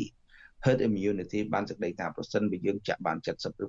80%បើក្នុងមនុស្ស80%ហ្នឹងមានអង់ទីបាឌីឬក៏អង្គបដិបកការពារខ្លួនមិនអាចមានមេរោគបានទេ ដូច្នេះបើទោះជា20%ដែលមិនចាក់ថ្នាំហ្នឹងក៏អត់មានបញ្ហាអ្វីដែរព្រោះគ្មាននរណាឆ្លងចេញចូលគ្នាអឺដូច្នេះចំណុចសំខាន់ប្រសិនបើបងប្អូនដឹងថាអ្នកនៅម្ដុំនឹងនិយាយនិយាយឲ្យចំទៅនិយាយចំឲ្យស្រួលយល់អញ្ចឹងគឺថាมันសំខាន់ថាតើយើងដឹងលទ្ធផលថាមានជំងឺឬគ្មានជំងឺក៏ដោយយើងតែងតែចាត់ទុកគ្នាយើងថាម្នាក់ម្នាក់នឹងអាចពំនាំជំងឺរៀងរៀងខ្លួន ដូច្នេះកាត់បន្ថយការជួបជុំគ្នាការនៅវត្តអីចឹងក៏យើងកាត់បន្ថយដែររងចាំរងចាំរហូតដល់ជំងឺនឹងជាសះស្បើយសម្រួមគ្នាហើយការឈោគកម្រិតឆ្ងាយពីគ្នាការលាងសម្អាតដៃការពាក់ម៉ាស់ហ្នឹងគឺជាចំណុចវិជ្ជមានទាំងអស់ធ្វើបើតែវាមិនអាចការពារជំងឺ Covid 100%ក៏ដោយក៏វាអាចកាត់បន្ថយនៃការចម្លងទៅវិញទៅមកដែរ បាទបាទសូមអរគុណច្រើនលោកអនុវិជ្ជបណ្ឌិតឆាន់ទូចដែលបានចំណាយពេលវេលាដ៏មានតម្លៃចូលរួមផ្ដល់បទសម្ភាសន៍និងបញ្យលយ៉ាងក្បោះក្បាយអំពីការឆ្លងនៃជំងឺ Covid-19 និងវិធីការពារនិងផលពិបាកនៃការបញ្ឈប់ធ្វើតេស្តរហ័សរោគជំងឺ Covid-19 នោះបាទសូមអរគុណយើងជម្រាបលាលោកអនុវិជ្ជបណ្ឌិតតែប៉ុណ្្នេះសិនបាទបាទបាទជំរាបលា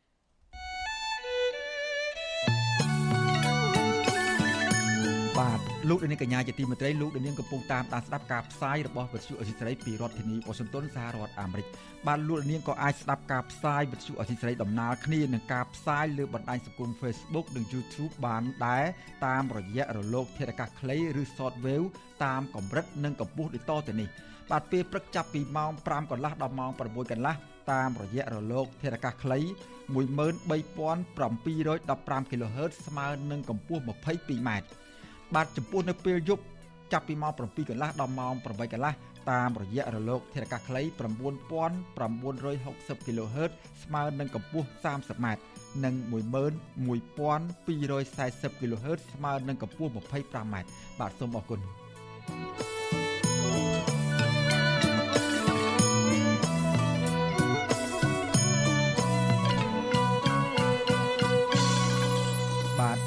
នាងកញ្ញាជាទីមេត្រីពលករខ្មែរមួយគ្រួសារមានជីវភាពលំបាកលំបិនខ្លាំងក្រោយពីពួកគេបានឆ្លងជំងឺ Covid-19 នៅក្នុងពេលធ្វើការនៅក្នុងប្រទេសថៃ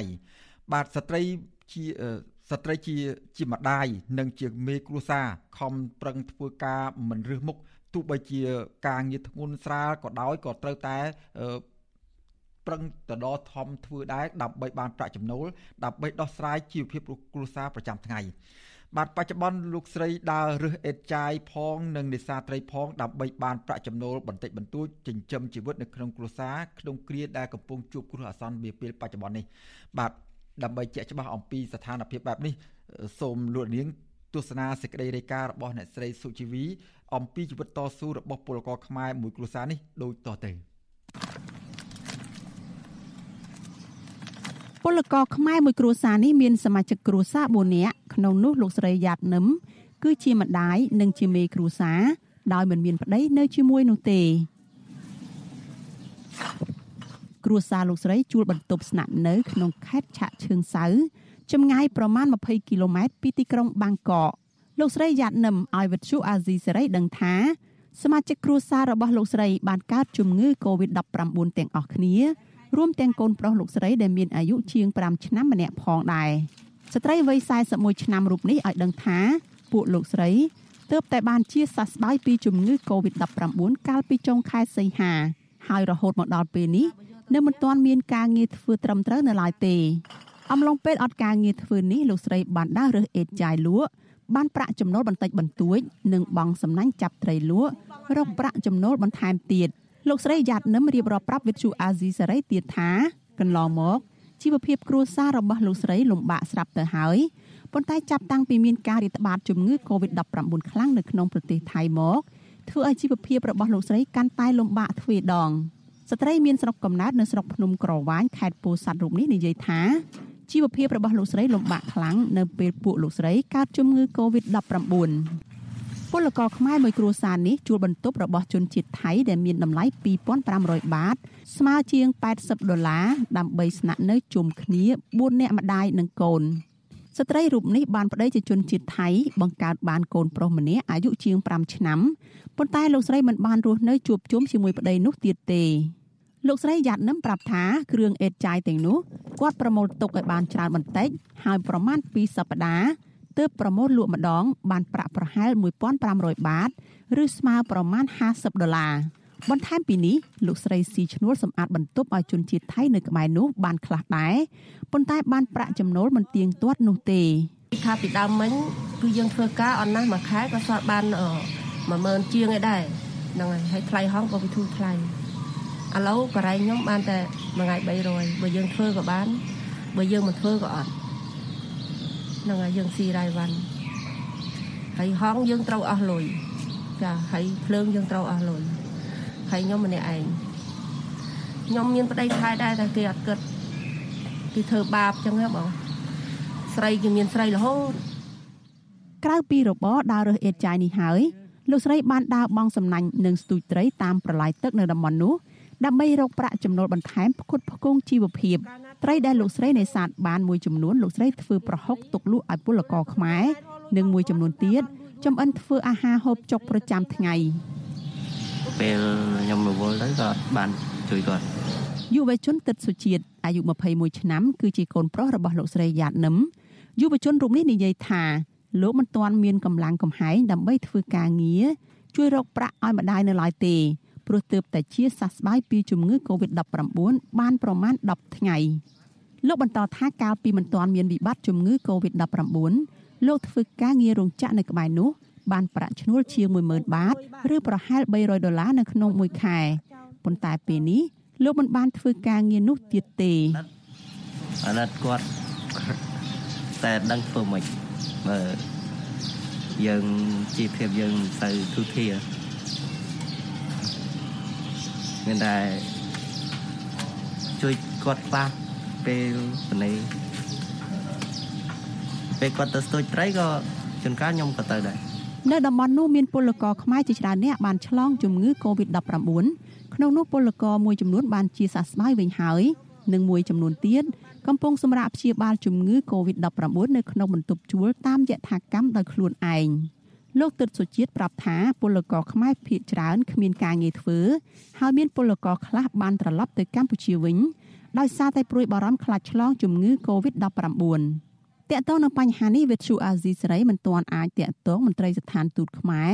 ប្រចាំនៅប្រទេសថៃនិងអ្នកនាំពាក្យក្រសួងការងារលោកហេងសួរដើម្បីសូមអត្ថាធិប្បាយជុំវិញការលំបាកនិងទុកកង្វល់របស់ពលករខ្មែរនេះបានទេ ប៉ុន្តែទំព័រ Facebook របស់ស្ថានទូតខ្មែរប្រចាំនៅទីក្រុងបាងកកបានចុះផ្សាយអំពីសកម្មភាពចុះចែកស្បៀងអាហារដល់ពលករខ្មែរនៅក្នុងប្រទេសថៃនោះជាបន្តបន្ទាប់ដែរជុំវិញរឿងនេះមន្ត្រីអង្គការសង្ត្រាល់ទទួលបន្ទុកផ្នែកពលករលោកឌីថេហូយ៉ាជឿថាអំឡុងពេលនេះមានពលករខ្មែរជាច្រើនអ្នកកំពុងឆ្លងជំងឺ Covid-19 ហើយពួកគេមានការលំបាកផ្នែកជីវភាព លោកយល់ថាក្រមពលករទាំងនោះគួរតែតាក់ទងទៅស្ថានទូតខ្មែរនៅក្នុងប្រទេសថៃនិងរដ្ឋាភិបាលដើម្បីឲ្យជួយទៅដល់ពួកគាត់មន្ត្រីសង្គមស៊ីវិលរូបនេះបន្តថារដ្ឋាភិបាលខ្មែរគួរតែបង្កើតគណៈកម្មការចុះជួយដោះស្រាយទុកលំបាកដល់ពលករខ្មែរដែរ។ នៅក្នុងកលៈទេសៈនេះរដ្ឋាភិបាលស្ថានទូតហ្នឹងក៏ត្រូវតែព្យាយាមស្ដាប់នៅបញ្ហាដែលពលរដ្ឋយើងជួបប្រទះយើងដឹងហើយថាពលករនៅប្រទេសថៃហ្នឹងមានច្រើនរហូតដល់2លាននាក់ឯណោះអញ្ចឹងនៅក្នុងចំណោម2លាននាក់នោះយើងគិតថាគាត់អត់មានការងារធ្វើនឹងច្រើនគាត់មានបញ្ហាហ្នឹងក៏ច្រើនដែរអញ្ចឹងក៏ត្រូវតែឲ្យមានស្ថិតិនៅក្នុងដៃហើយឲ្យដឹងច្បាស់អំពីបញ្ហាដែលគាត់ប្រឈមទៅរដ្ឋហ្នឹងធ្វើគោលនយោបាយឆ្លើយតបចំពោះបញ្ហាទាំងអស់នោះបានបើមិនអញ្ចឹងទេបញ្ហាវានៅតែជាបញ្ហាហើយដោះស្រាយមិនមានមានតែដោះស្រាយជាដើមក្រសួងសុខាភិបាលថៃឲ្យដឹងថាគិតត្រឹមថ្ងៃទី6ខែកញ្ញាមានពលករខ្មែរជាង23,000នាក់បានឆ្លងជំងឺ Covid-19 បញ្ហានេះធ្វើឲ្យពលករខ្មែរជាច្រើននាក់បានត្រឡប់ទៅកម្ពុជាវិញដោយសារពួកគាត់មិនអាចទ្រាំរស់នៅប្រទេសថៃនោះបានតទៅទៀត។ របាយការណ៍របស់អង្គការអន្តរជាតិទេសន្តប្រវេសប្រចាំនៅកម្ពុជាបង្ហាញថាចាប់ពីខែមីនាឆ្នាំ2020ដល់ថ្ងៃទី8ខែកញ្ញាឆ្នាំ2021មានពលករខ្មែរជិត240,000នាក់ហើយបានត្រឡប់មកពីប្រទេសថៃក្នុងនោះនៅក្នុងខែសីហាឆ្នាំ2021មានជាង14,000នាក់ទៅខ្មែរនឹងកើតទេនៅជាពាក់រត់រត់អត់មួយខែប្រហែលទេរឹបអូសដី បើទោះជាយ៉ាងណាគ្រួសាររបស់លោកស្រីយ៉ាតនឹមសម្រាប់ចិត្តមិនត្រឡប់មកប្រទេសវិញឡើយនៅក្នុងគ្រាមានអាសន្ននេះពួកគាត់បញ្ជាក់ថាសុកចិត្តទ្រាំដើររើសអេតចាយបងសំណាញ់ស្ទូចត្រីលក់និងស៊ីឈ្នួលបោះសម្អាតបន្ទប់ឲ្យជនជាតិថៃបន្តទៀតរហូតដល់ស្ថានភាពជំងឺ Covid-19 បានធូរស្រាលក្រែងបានការងារធ្វើត្រឹមត្រូវដើម្បីសន្សំប្រាក់ត្រឡប់មកកម្ពុជាវិញចា៎នេះខ្ញុំសុជីវី Vithu Azizi Saray ពីរដ្ឋធានី Washington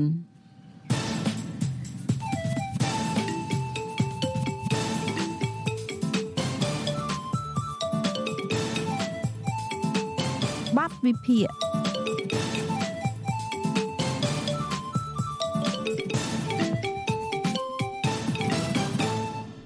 បាទលោកនាងកញ្ញាជាទីមេត្រីជំនួបកម្ពុជាទល់មុខគ្នារវាងអគ្គលេខាធិការបកកុម្មុយនីសវៀតណាមជាមួយនឹងមេដឹកនាំកម្ពុជា និងឡាវនៅទីក្រុងហាណូយកាលពីថ្ងៃទី26ខែកញ្ញា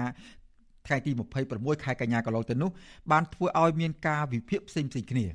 បាទអ្នកខ្លះថាថ្នាក់ដឹកនាំវៀតណាមរៀបចំឲ្យមានកិច្ចប្រជុំផ្ទាល់នោះឡើងនៅលើទឹកដីរបស់ខ្លួន គឺជាការព្យាយាមបង្ហាញប្រាប់គេឯងថា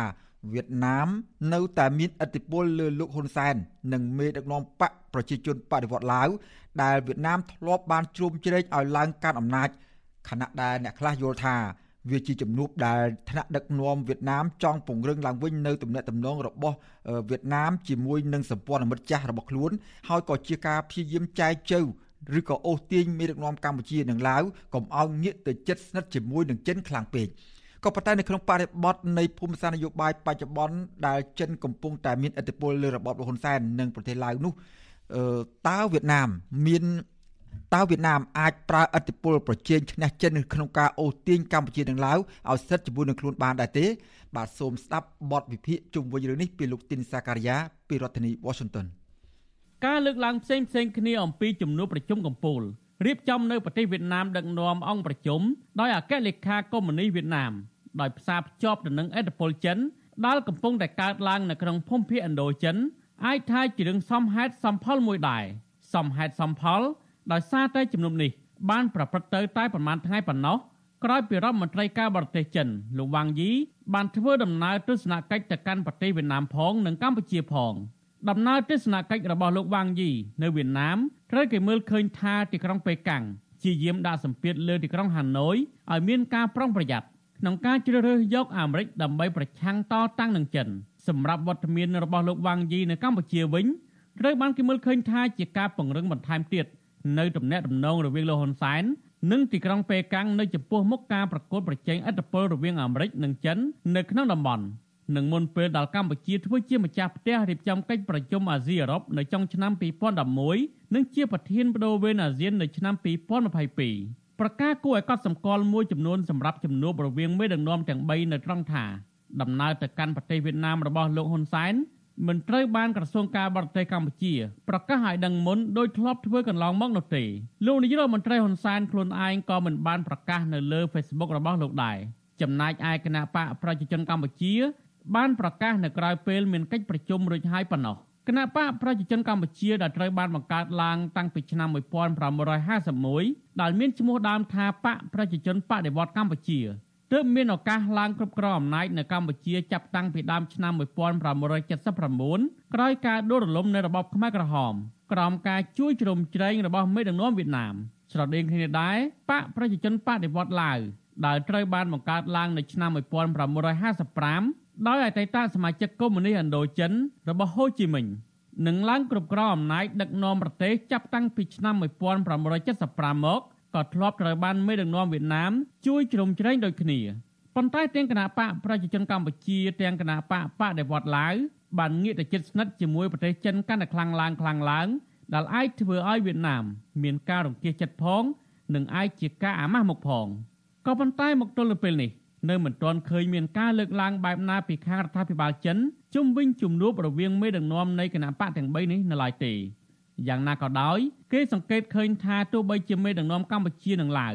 កំពុងតែមានទំនាក់ទំនងជិតស្និទ្ធជាមួយចិនក្តីមេដឹកនាំប្រទេសទាំងពីរក៏មានជំនួបត្រីភាគីជាញឹកញាប់ជាមួយថ្នាក់ដឹកនាំវៀតណាមដែលជាគូចំនួនរបស់ចិនដែរចំពោះកិច្ចប្រជុំនៅពេលនេះលោកខាលថៃយើសាស្ត្រាចារ្យនៃសាកលវិទ្យាល័យវែលប្រទេសអូស្ត្រាលីត្រូវបានសារព័ត៌មានអេស៊ីថែមឆ្លងសម្ដីមកចុះផ្សាយ លោកយល់ថាការបើកកិច្ចប្រជុំត្រីភាគីរបស់ថ្នាក់ដឹកនាំនៃគណៈបកទាំង3នៅក្នុងប្រទេសវៀតណាមគឺជាការព្យាយាមរបស់វៀតណាមដើម្បីធានាថាវៀតណាមមិនត្រូវបានផាត់ចេញដោយប្រទេសចិននៅក្នុងដំណាក់ដំណងរវាងចិនជាមួយអតីតសម្ព័ន្ធមិត្តក្បែរខាងទាំងពីររបស់ខ្លួនជាការពិតណាស់ចិនហាក់កំពុងតែបង្កើតភាពអាម៉ាស់ចំពោះវៀតណាមមិនតិចទេក្នុងពេលដែលចិនអាចអស់ទាញមេដឹកនាំរបស់កម្ពុជានិងឡាវដែលជាអតីតសម្ព័ន្ធមិត្តជិតស្និទ្ធរបស់ខ្លួន ឲ្យងាកទៅជិតស្និទ្ធជាមួយចិនដែលជាគូចំនួនរបស់វៀតណាមបច្ចុប្បន្នគេនៅចាំបានថា ជាងមួយខែក្រោយវៀតណាមលើកទ័ពចូលកម្ពុជាផ្ដួលរំលំរបបខ្មែរក្រហមចិនដល់កាលនោះជាអ្នកគាំទ្រមុតមមនៃរបបខ្មែរក្រហមបានលើកទ័ពចូលធ្វើសង្គ្រាមជាមួយវៀតណាមនៅតាមបណ្ដាខេត្តប៉ែកខាងជើងរបស់វៀតណាមដែលមានព្រំប្រទល់ជាប់នឹងប្រទេសចិនចិនចាត់ទុកប្រតិបត្តិការយោធារបស់ខ្លួននៅពេលនោះថាជាការប្រដៅមេរៀនឲ្យវៀតណាម សង្គ្រាមនោះមានរយៈពេលជិត1ខែមុននឹងចិនដកកងទ័ពចេញពីវៀតណាមវិញចាប់តាំងពីពេលនោះមកចិននិងវៀតណាមមិនដាល់មានសង្គ្រាមទ្រង់ទ្រាយធំផ្លូវការជាមួយគ្នានោះទេក្រៅតែពីមានការប្រជុំមុខដាក់គ្នាម្ដងម្កាលរវាងនាវាកងទ័ពនិងទូកនេសាទចិនជាមួយវៀតណាមនៅសមុទ្រចិនខាងត្បូងដែលកំពុងតែមានចំនួន ហើយដែលកម្ពុជានិងឡាវកំពុងតែមានចំហលំអៀងទៅខាងភៀកគីចិននៅក្នុងចំនួននេះបច្ចុប្បន្នចិនជាប្រទេសមានទុនវិនិយោគផ្ទាល់ពីបរទេសឈានមកគេបង្អស់នៅក្នុងប្រទេសកម្ពុជានិងឡាវនិងក៏ជាប្រទេសផ្ដល់ជំនួយច្រើនជាងគេបង្អស់ដល់របបលហ៊ុនសែនដែរទំនាក់ទំនងផ្នែកនយោបាយរបស់កម្ពុជានិងឡាវជាមួយចិនក៏កាន់តែមានភាពជិតស្និទ្ធនឹងគ្នាដែរបើនិយាយពីទំនាក់ទំនងរវាងឡាវនិងកម្ពុជាវិញឡាវ គឺជាប្រទេសដំបូងបំផុតមួយដែលទទួលស្គាល់ភាពស្របច្បាប់នៃរបបសាធារណរដ្ឋប្រជាមានិតកម្ពុជា បង្កើតឡើងក្រោយការដួលរលំនៃរបបខ្មែរក្រហមកម្ពុជានិងឡាវមិនមានភាពរកាំរកោសខ្លាំងនោះទេតាក់ទងនឹងបញ្ហាជនអន្តោប្រវេសន៍ ចំពោះបញ្ហាព្រំដែនប្រទេសទាំងពីរមានបញ្ហាម្ដងម្កាលប៉ុន្តែជាទូទៅអាចដោះស្រាយវិញបានតាមរយៈការសន្ទនាក្រៅពីនោះកម្ពុជានិងឡាវពេលខ្លះក៏មានការខ្វែងគំនិតគ្នាអំពីគម្រោងសាងសង់ទំនប់វារីអគ្គិសនីនៅលើទន្លេមេគង្គក្នុងប្រទេសឡាវដែរធ្វើឲ្យប៉ះពាល់ដល់កម្ពុជានៅខ្សែទឹកខាងក្រោមចំណែកការងារបោះបង្គោលព្រំដែនវិញក៏មិនមានភាពចម្រុងចម្រាស់ខ្លាំងក្លានោះឡើយហើយបកប្រឆាំងនៅកម្ពុជា ក៏មិនសូវបាននិយាយពីការឈ្លានពានរបស់ឡាវមកលើបូរណភាពទឹកដីកម្ពុជានោះដែរយ៉ាងណាក៏ដោយដរាបណាការបោះបង្គោលព្រំដែននៅមិនទាន់ចាប់សពគ្រប់គេមិនទាន់អាចរំពឹងថាចំនួនឬការមិនយល់គ្នានឹងមិនកើតឡើងទៀតនោះដែរសម្រាប់ដំណាក់ដំណងរវាងកម្ពុជានិងវៀតណាមវិញបញ្ហាសំខាន់បំផុតដោយប្រទេសទាំងពីរមិនទាន់បានដោះស្រាយរួចរាល់នៅឡើយនោះគឺបញ្ហាជនអន្តោប្រវេសន៍វៀតណាមនៅកម្ពុជានិងការបោះបង្គោលព្រំដែនគោកនិងខណ្ឌសីមាព្រំដែនទឹករវាងប្រទេសទាំងពីរ បើនិយាយពីទំនាក់ទំនងរវាងឡាវនិងវៀតណាមវិញឡាវហាក់បានអអន់ស្រពន់ចិត្តនឹងវៀតណាមតាំងពីយូរយារណាស់មកហើយក៏ប៉ុន្តែអាចមិនទាន់សូវហ៊ានបង្ហាញរឹកពីឲ្យដឹងច្បាស់នៅពេលមិនទាន់មានឱកាស តែទៅនឹងបញ្ហានេះបណ្ឌិត Holio Heldress ដែលធ្លាប់មានចំណងមិត្តភាពជិតស្និទ្ធជាមួយសម្ដេចព្រះនរោត្តមសីហនុនិងធ្លាប់កាន់តួនាទីជាអនុប្រធានខុទ្ទកាល័យនិងជាជំនួយការពិសេសរបស់ព្រះអង្គពីឆ្នាំ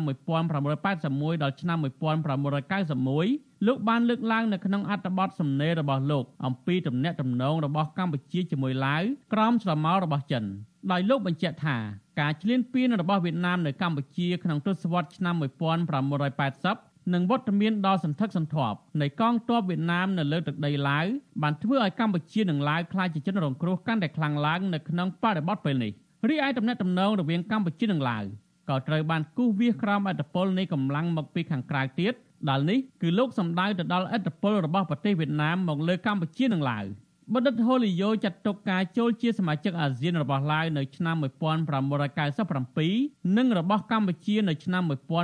1999គឺជាការបើកចំហប្រទេសទៅកាន់សហគមន៍អន្តរជាតិហើយក៏ជាការព្យាយាមបង្ហាញទៅកាន់សហគមន៍អន្តរជាតិនៅឋានៈជារដ្ឋឯករាជ្យនិងអធិបតេយ្យផងដែរបណ្ឌិត Holio Hedres ក៏សម្គាល់ថា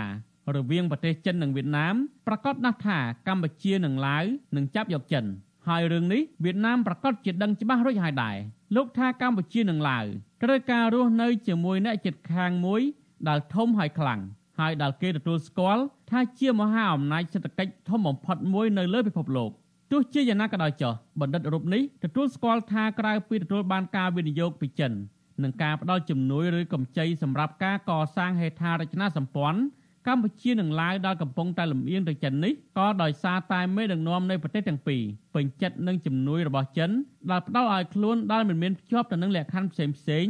ដែលលោកថានេះវាផ្ទុយទៅនឹងសហរដ្ឋអាមេរិកសហភាពអឺរ៉ុបនិងប្រទេសប្រជាធិបតេយ្យមួយចំនួនទៀតដែលរាល់ជំនួយរបស់ពួកគេផ្ដល់ដល់កម្ពុជាគឺតែងតែផ្សារភ្ជាប់ទៅនឹងលក្ខខណ្ឌអំពីការលើកកម្ពស់ប្រជាធិបតេយ្យការគោរពសិទ្ធិមនុស្សនិងអភិបាលកិច្ចល្អជាដើម ប្រហែលជាដោយសារកត្តាទាំងនេះហើយទើបទាំងកម្ពុជានិងឡាវមានចំហគាំទ្រចិនជាពិសេសនៅក្នុងចំនួនសមុទ្រចិនខាងត្បូងជាស្ដែងនៅពេលឡាវធ្វើជាម្ចាស់ផ្ទះនៃកិច្ចប្រជុំកំពូលអាស៊ាននៅឆ្នាំ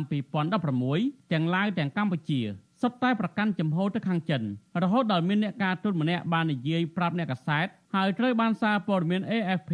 ត្រង់សម្ដីមកចុះផ្សាយនៅពេលនោះថាកម្ពុជាបានប្រកាន់ចំហរឹងមាំខណៈដែលឡាវក្នុងនាមជាប្រធានអាស៊ានមិនបាននិយាយអ្វីទាល់តែសោះ ប៉ុន្តែក្នុងពេលជាមួយគ្នាឡាវមានការប្រុងប្រយ័ត្នក្នុងការមិនធ្វើឲ្យចិនខឹងសម្បានឹងខ្លួនឡើយចំហគមត្រូលចិននេះប្រហែលជាអាចកើតមានជាថ្មីទៀតនៅពេលកម្ពុជាធ្វើជាប្រធានអាស៊ានបដូវវេននៅឆ្នាំ2022ខាងមុខក្នុងបរិបទបច្ចុប្បន្នហាក់មានអ្នកវិភាគតិចតួចណាស់ដែលមានសន្តិភាពនិយមថាវៀតណាមអាចប្រជែងឈ្នះចិនក្នុងការអូសទាញកម្ពុជានិងឡាវឲ្យស្និទ្ធស្នាលខ្លាំងនឹងខ្លួនវិញប៉ុន្តែក្នុងពេលជាមួយគ្នាក៏មានអ្នកខ្លះយល់ថាមេដឹកនាំកម្ពុជាលហ៊ុនសែននិងមេដឹកនាំឡាវ ក៏អាចមានការប្រែប្រួលដែរដោយគេសំអាងថាមេដឹកនាំនៃប្រទេសទាំងពីរជាមនុស្សជាក់ស្ដែងនិយមដែលអាចមានន័យថាឲ្យតែខាងណាផ្ដល់ផលប្រយោជន៍និងសេចក្តីសុខឲ្យខ្លួន ពួកគេអាចនឹងទៅគាំទ្រខាងនោះការលើកឡើងបែបនេះប្រហែលជាមិនខុសនោះទេតាមពិតទៅរឿងនេះលោកហ៊ុនសែនធ្លាប់បានឆ្លើយរួចមកហើយដែរគេនៅចាំបានថាលោកហ៊ុនសែនកាលពីក្នុងអំឡុងទសវត្សរ៍ឆ្នាំ1980លោកធ្លាប់ស្អប់ចិនខ្លាំងណាស់រហូតដល់ហៅចិនថា ជាអ្នកបង្កសោកនាដកម្មគ្រប់យ៉ាងនៅកម្ពុជាក៏ប៉ុន្តែនៅពេលនេះវិញពេលដែលលោកទទួលបានការគាំទ្រសឹងតែគ្រប់យ៉ាងពីចិនលោកហ៊ុនសែនបានប្រកាសជាសាធារណៈចាត់ទុកចិន ថាជាមិត្តដ៏អស្ចារ្យនិងមិត្តដ៏គួរឲ្យទុកចិត្តបំផុតរបស់ខ្លួនទៅវិញខ្ញុំទីនសាការីយ៉ាអសិរ័យប្រធានីវ៉ាស៊ីនតោន